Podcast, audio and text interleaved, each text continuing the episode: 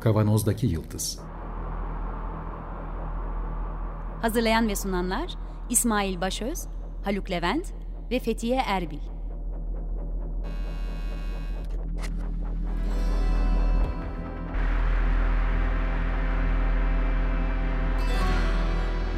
Bugünün penceresinden geleceğin ayak izleri. Merhabalar, Açık Radyo'dayız. 95.0 Kavanoz'daki Yıldız programında sizlerle beraberiz. Geleceğin ayak izlerini sürmeye devam ediyoruz.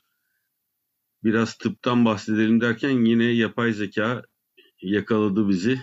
Bu aralar çok hızlı e, ilerliyor. Kasım ayının sonlarıydı galiba. ChatGPT piyasaya çıktığından beri çok büyük tartışmalar sürüyor. Daha 6 ay yeni bitmek üzere neredeyse ya da yeni bitti. Fakat tartışmalar sanki 8-10 yıldır piyasada var olan bir e, ürün gibi devam ediyor. Geçtiğimiz haftalarda yine bir küçük program yapmıştık. E, Elon Musk'ın da içinde bulunduğu bir grup GPT'nin aslında e, şey diye söylemek lazım. Yapay genel zeka eğitimlerinin durdurulması gerektiğini söylemişti ve bir imza açmışlardı ve bir çağrı yapmışlardı. Büyük bir moratorium yapalım. 6 aylığına yapay genel zekanın e, training çalışmalarını durduralım ve etik üzerine konuşalım demişlerdi. Şimdi 30 Mayıs günü yani bundan 2 gün önce çok daha etkileyici, çok daha ses getiren bir çağrı yapıldı. Bugün onu konuşacağız. Haluk'la beraberiz. Merhaba.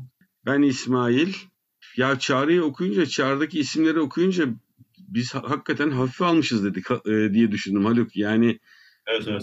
bu isimler bile bu kadar e, çok kısa bir çağrı ve çok e, vurucu, sert bir çağrı aslında bir yandan.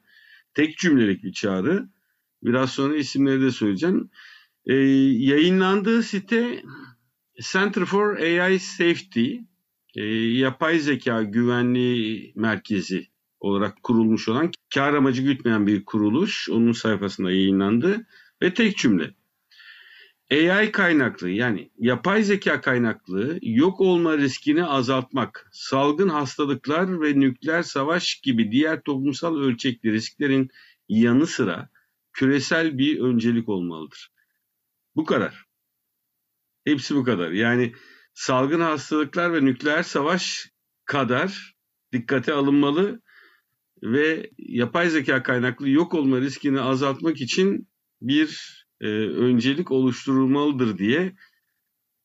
Hani sen ben yazsak bu böyle e, bu kadar etkili olmaz. Şimdi imza sırasının ilk ikisi sinir ağları konusundaki öncü çalışmaları nedeniyle Turing ödülünü kazanmış 3 e, araştırmacıdan ikisi.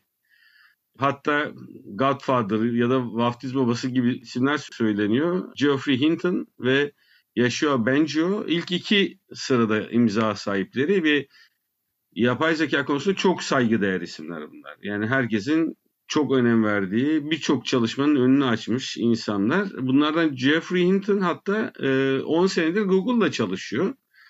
Ve ne zaman? Geçtiğimiz ay ayrılmış Google'dan. Sebebi de yapay zekanın yaratılmasını ortaya çıkardığı varoluşsal risk konusundaki endişeleri.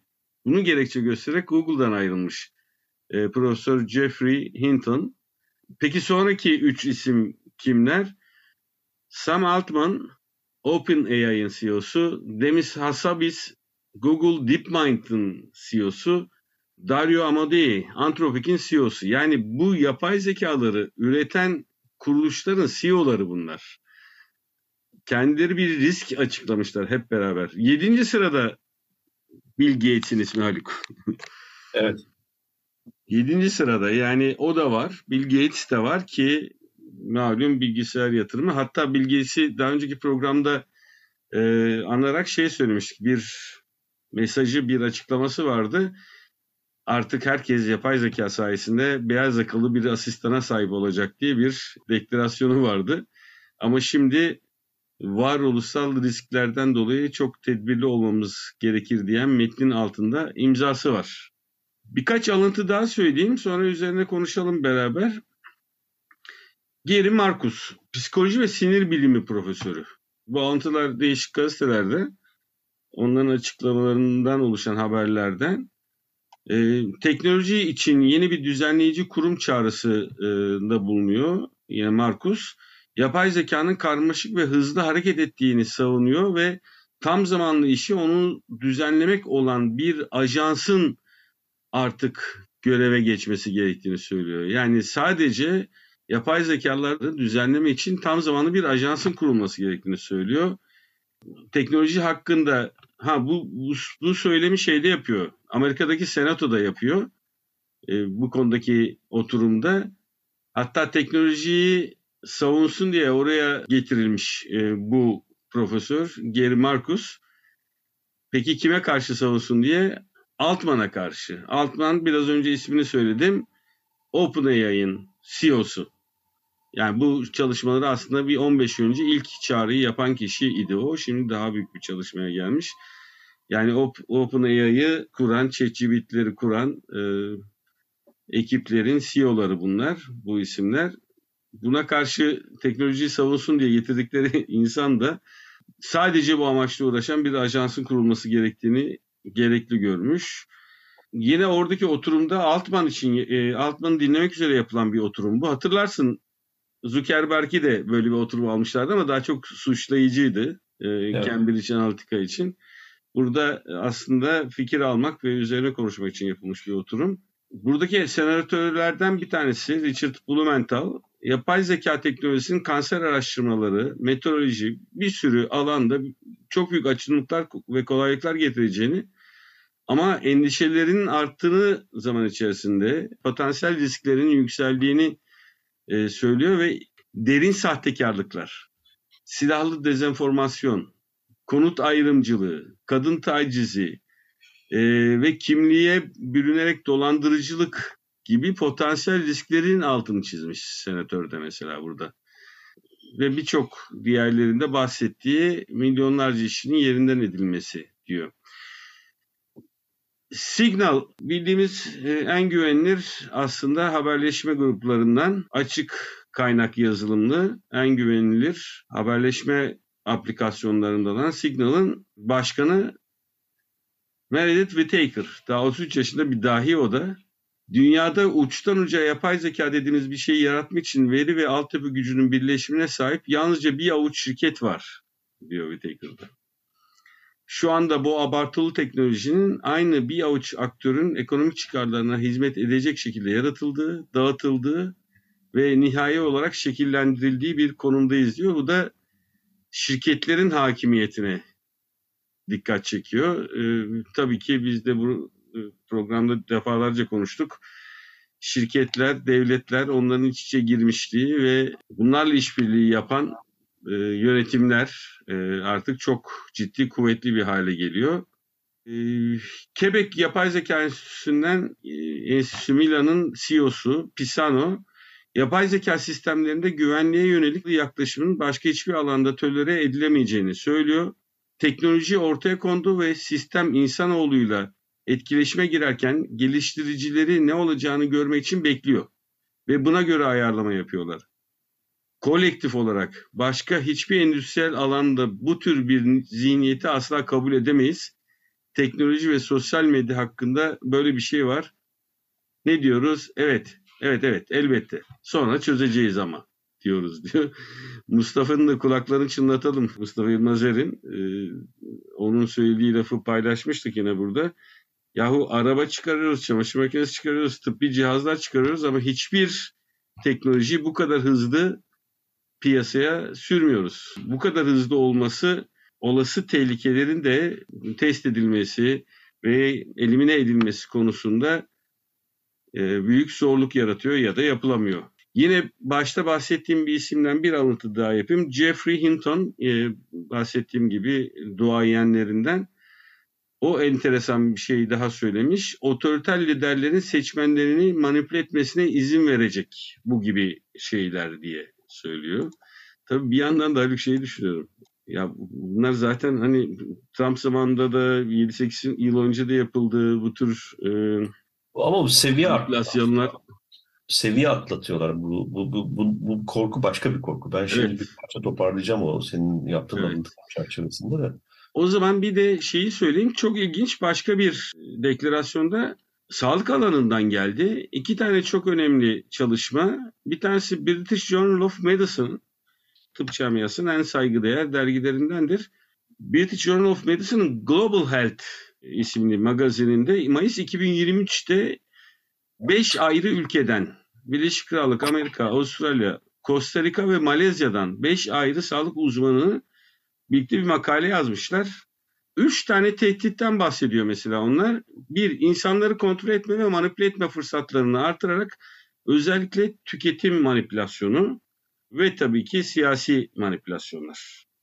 İkincisi öldürücü silah kapasitesini artırarak diye e, söylüyor. Hemen kısaca bunlardan da bahsedeceğim. Üçüncüsü de insan emeğinin giderek demode hale getirerek büyük bir risk yaratıyor diye söylüyorlar.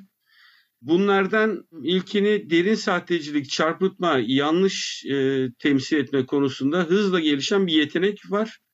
E, yapay zekada e, güvende bir bozulmaya sebep olacak. Sosyal bölünme ve çatışmayı tetikleyerek ve bunun sonucunda halk sağlığı etkileri yaratarak işte insanları kontrol etme ve manipüle etmenin yaratacağı risklerden bahsetmişler.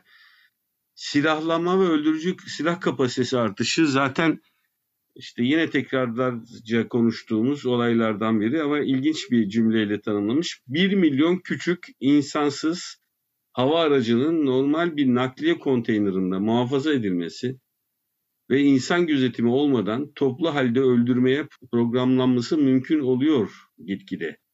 Yine bu yapay zekalar sayesinde diye söylemişler. Ee, ve bir de tekrarlayan tehlikeli ve nahoş işlere üçüncüsü de e, son vermenin pek çok faydası olsa da işsizliğin olumsuz sağlık sonuçları ve davranışlarla güçlü bir şekilde ilişkili olduğu üzerinden sağlık riski tanımlamışlar.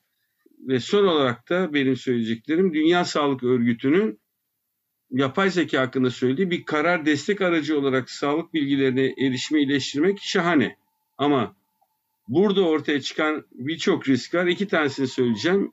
Halkın güvenilir sağlık içeriğinden ayırt etmesi zor olan metin, ses veya video içeriği biçiminde son derece ikna edici, yanlış bilgilerden oluşan yani dezenformasyon oluşturmak ve yaymak ve kötüye kullanmak.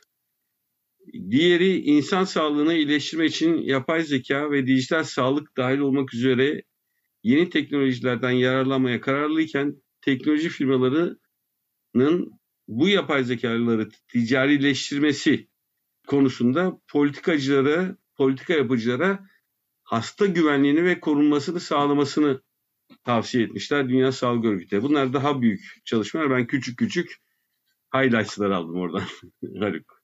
Evet, sana bırakayım biraz sözü.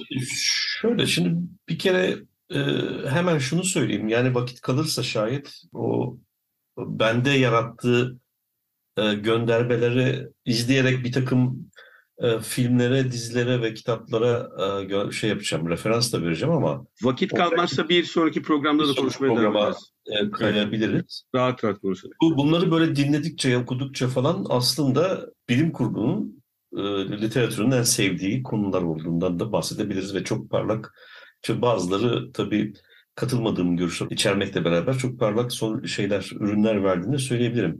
Şimdi burada beni ürküten mesele şu aslına bakarsan. Ben hep bu yapay zeka meselesini konuşurken bunun bir zeka olmadığını, çok güçlü bir öğrenme kabiliyetine sahip olan makine öğrenmesi diye de isimlendirilen bir araçlar bütünü olduğunu ve bu araçların içerisine girince istatistikten alışık olduğumuz çok sayıda istatistiksel analiz estimatorları diyelim yani tahmin edicileri kullanarak e, bunları tabii büyük veriye uyarlamak kaydıyla e, kullanarak bir dizi algoritmalardan ibaret bir bütünlükten bahsediyor. Dolayısıyla bunun yaratıcı bir düşünce içermesi ya da yaratıcı bir evreye geçmesini e, mümkün olmadığını çünkü bu yaratıcılığın sınırların dışına çıkmakla başladığını oysa algoritmaların zaten bütün hareketin önceden öngörülerek planlanması ve bu planlar dahilinde bir takım e, karşılaştırmalar, analizler yaparak e, bir aksiyon alınmasına dayalı bir şey olması nedeniyle çok ürkütücü gelmiyordu bana. Fakat şimdi burada tek cümle yapay zekanın neden olduğu yok olma riskini azaltmak diye başlıyor. Bu yok olmada bayağı bildiğimiz extinction lafını kullanıyorlar. Yani tamamen yok olmadan bahsediyoruz. Çünkü bu extinction lafını biz şimdiye kadar şey için kullanıyorduk değil mi? İşte altıncı büyük yok oluş diye. Yani e, iklim yıkımı çerçevesinde e, kullandığımız bir e, kelimeydi. Evet. evet. Ve bu ekosistemin bütün olarak ortadan kalkmasını ifade eden bir kavram. Şimdi bu extinction lafını burada görünce bu ciddi bir şey. Onun üzerine bir parça işin içine girdim. Arka planlarına falan baktım. Yani benim kaçırdığım, takip etmediğim bir takım gelişmeler olmuş mu diye bir kere çok acayip bir literatür var. Yani bu genel yapay zeka çerçevesinde bir literatür var. O literatürdeki tartışılan başlıklar beni ürküttü.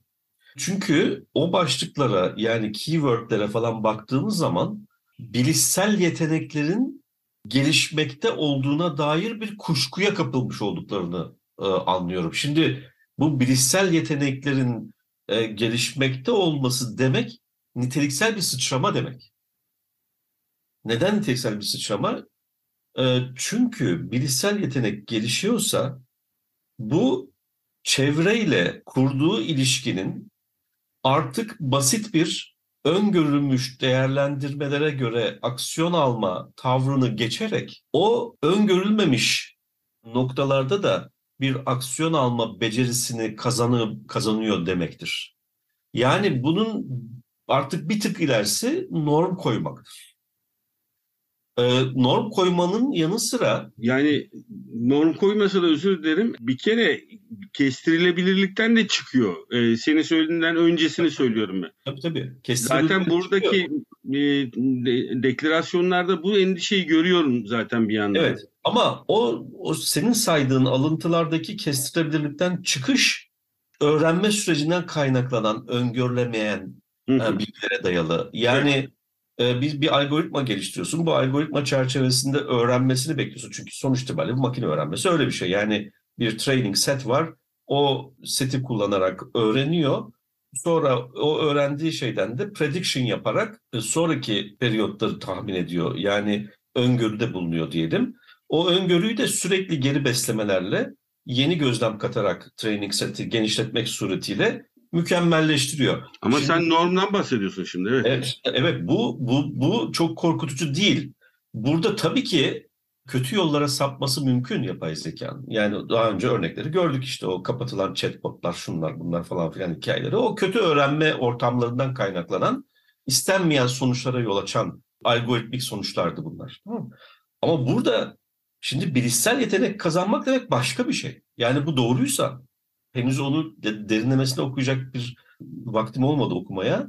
Bu eğer bu bilişsel bir yetenek kazandıysa bir yaşam formuyla karşı karşıya kalacağız demektir. Yani, yani büyük yaşam, spekülasyon yaşam... yapıyoruz şu anda ama evet. evet ama evet. ama yani e, o literatürdeki e, gerçekten kitap başlıkları, kitapların içerisindeki şeyler, bildiriler, şunlar bunlar falan e, böyle şeylerden bahsediyor. Yani şimdi bak Artificial General Intelligence and Introduction diye sadece bir introduction kitabında definition'lar var en başta hani böyle temel kavramlar falan. E bir kısmı benim ilk defa karşılaştığım kavramlardı bu arada. İşte intelligence tanınıyor, artificial intelligence tanınıyor falan. Artificial narrow intelligence diye bir şey yani dar yapay zekadan bahsettiğinde bu diyor ki sadece insanlığa özgü bir task'ın yani bir görevin vasfın diyelim superhuman yani e, süper bir insan seviyesinde başarabilen yapay zeka. Şimdi daraltılmış yani tek bir task'e odaklanmış oluyor. Dolayısıyla o task'i de bir e, süper insan seviyesinde e, başarma yeteneğine sahip şeye daraltılmış e, yapay zeka diyorlar. Artificial General Intelligence dediği bu aynı kapasiteyi bir insan gibi kullanan yapay zekadan bahsediyoruz. Yani insana eşdeğer şirk koşuyor diyelim. Kutsal bir varlık olarak alacak olursak insanı. Artificial Super Intelligence diye bir şey var. Bu ise insanların düşünme kapasitesinden belirgin bir şekilde significantly yani istatistik olarak anlamlı bir ölçüde anlamlı. E, yüksek kapasiteye sahip yapay zeka sistemlerini kastediyorlar. Şimdi bu dolayısıyla e, bunlar böyle çok henüz basit şeyler. Bunun dışında da bilişsel e, yetenek e, meselesinin tartışıldığı makaleler gördüm. O tür kitaplar var falan. Şimdi buralara gelince bu gerçekten ne yaptılar da yani bunun matematik tabanını gerçekten çok da merak ediyorum. Anlayabilecek durumda değilim tabii de. İnşallah anlayan bir tanesi birileri okuyup tercüme ederler. Biz de o şekilde izleme şansına sahip oluruz. Ama bunun matematiksel temeli yani kalıpların dışına taşma yeteneğine sahip bir e, yapay zeka e, programıyla karşılaşma ihtimalimizin olması. Henüz öyle bir şeyden bahsedilmiyor. Yani öyle bir yeteneğe sahip bir yapay zeka. Çok e, kısa keseceğim. Evet ama ama hızlı, bu işte evet kısa bir çok süre. hızlı e, öğrendiğini söylüyorlar. Bundan endişe duyuyorlar da. Çok hızlı öğrendiğini söylüyorlar. Evet yani halen imitasyon düzeyinde bile bu bilişsel yetenekleri de e, taklit edebilecek seviyeye ulaşmış olabilir. Belki detaylara girince bununla karşılaşma ihtimalimiz de olacak. Yani halen e, kreatif bir kapasiteden bahsetmiyoruz ama genel olarak mimik diye adlandırılıyor ya bu taklit yeteneği e, olağanüstü olduğu için bu yüksek performans oradan geliyor diye. E, bu bilişsel yetenekleri de taklit etme kabiliyetine sahip bir e, yapay zekanın da büyük tehlikeler yaratabilmesi söz konusu olabilir. Ona da işaret ediyor olabilirler. Dolayısıyla burada bir açık soru e, halen benim kafamda cevaplanmamış bir soru olarak bu duruyor. Şimdi senin bahsettiğin o Center for AI Safety e, sitesinde bu AI'ın riski ne diye bir soru başlığı altında bir şey de var. Orada mesela çok acayip şeyler var yani. 8 tane risk tanımlamışlar şimdilik. Bir tanesi senin daha önce bahsettiğin gibi e, silahlan, silahlanma. Yani ama bu kötü niyetli bir takım aktörlerin bu yapay zekayı manipüle ederek yani gerek algoritmik seviyede gerek öğrenme aşamasında manipüle ederek yüksek seviyede yıkıcılığa sahip bir takım silahlar bir, bir silah haline dönüşmesi, bizatihi kendisinin bir silah haline dönüşmesi söz konusu olabilir. O mesela senin verdiğin örnek var ya bir milyon tane küçük drone'un bir hangarda ya da bir kamyon kasasında falan olması. E onu biliyoruz. Daha önce burada örneğini vermiştim ben. Evet, evet. Star Trek e, filmlerinin bir tanesindeki yıkıcı silah oydu. E, neyse ama şimdi onunla karşılaşsak ne yapacağımızı biliyoruz filmden. Aralarındaki iletişimi sağlayan frekansı bozacak orada rock'n'roll'la bozmuşlardı. Biz de bir bozacak bir şey bulmamız gerekiyor. o distopya dizisinde Black Mirror'da da bir e, sineklerden oluşan sinek kadar küçük silahlardan oluşan o iyice hayaldi evet. tabii ama evet. Abi yani. şey diyorsun o Black Mirror diyorsun sen. Black Mirror'daki evet. sinek evet, dronlar. Evet. evet ama bu bu dediğimiz farklı bir şey yani o makalede böyle. Yani bir milyon tane kendi içerisinde iletişim halinde olan evet. ve bunu e, bu iletişimi kullanarak ya da bu iletişim kanalları üzerinden de hedefe yönelik olarak koordineli bir aksiyon gerçekleştirebilen, büyüyen, kısılan, ikiye bölünen falan. Şimdi o zaman bir milyon tane böyle koordinasyon içerisinde bir silah üstünüze geldiğinde yapacak hiçbir şeyiniz yok zaten. Çünkü zaten bunun 100 bin tanesini vursanız 900 bin tanesi geliyorsunuz. Her biri patlama kapasitesi, yok etme kapasitesine sahip. O eski filmlerde oklar geliyordu öyle değil mi? Böyle öyle oklar geliyordu ama o oklar e, sonuç itibariyle... Zırh koyuyordu. Bunlar e, konuşuyor, formları değiştirebiliyorlar, e, ayrılıyor, işte bilmem ne falan. O Star Trek filmi bu açıdan çok öğreticidir. O filmin hemen arkasından yine sık sık altını çizdiğim bir örnek vardır. Çin'in teknoloji gösterisi. En son herhalde 3000'e kadar geldi galiba. E, ses ve ışık gösterisi şimdilik ama yani bu tabii aynı zamanda o filmle aynı an yani film piyasaya çıktı ondan 2-3 ay sonra Çin kendi teknoloji gösterisini yaparken o zaman galiba 500-600 tane drone'u bir arada kullanarak. Evet. Yani herhangi yerden bir kompütürle falan da kontrol etmeden. Evet. Ee, son bir dakikamız, iki dakikamız hem bir davet yapalım hem de önümüzdeki programa daha detaylı bir önceki başlıkları da detaylı olarak konuşarak e, bunun üzerine bir sohbet daha yapalım diye öneriyorum. Bugün biraz açık gazeteciliğe oynadık. haber haber geçtik bugün biraz. Ee, bir, bir, bir ekleme yapmak istiyorum lütfen, ama izin verirsen. Ee, bu, bu tabii bu dün sabah açık gazetede bu haberi ele aldılar, değerlendirdiler e, Ömer abi ve Özdeş. Orada öğrendik ki e, heyecanla beklememizi e, sağlayacak bir e, girişimci Güven Güzeldere bir bu konuda bir dizi hazırlıyormuş. Bu Ee, konuda. Evet. Bu konuda bir seri onlar yapacak. seri hazırlıyor. Herhalde o heyecan verici bir seri olacak. Açık, açık radyo dinleyenlerine sabah akşam yapay zeka dinleteceğiz demek ki. Neyse. Ee, dediğimiz gibi bugün biraz başlıklarla gittim ben. En azından başlangıçta bunların hepsini e, bizim tarzımız değil. Biz bunların üzerine konuşmayı daha çok tercih ediyoruz ve doğru buluyoruz. Ee, önümüzdeki hafta biraz daha detaylı bir şekilde konuşmaya devam edeceğiz. Bu arada önemli bir duyuru yapalım. Yarından itibaren Açık Radyo'nun 20. dinleyici destek yayınları, dinleyici destek özel yayınları başlıyor. Yine bir dinleyici radyo şenliği halinde geçecek olan destek yayınlarında radyomuzda beraber olmayı hep beraber sürdürelim.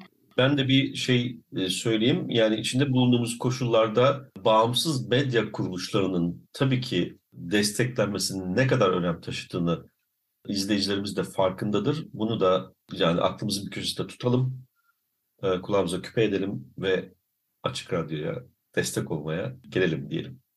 Açık Radyo'yu hep beraber yaşatmaya devam edelim. Evet.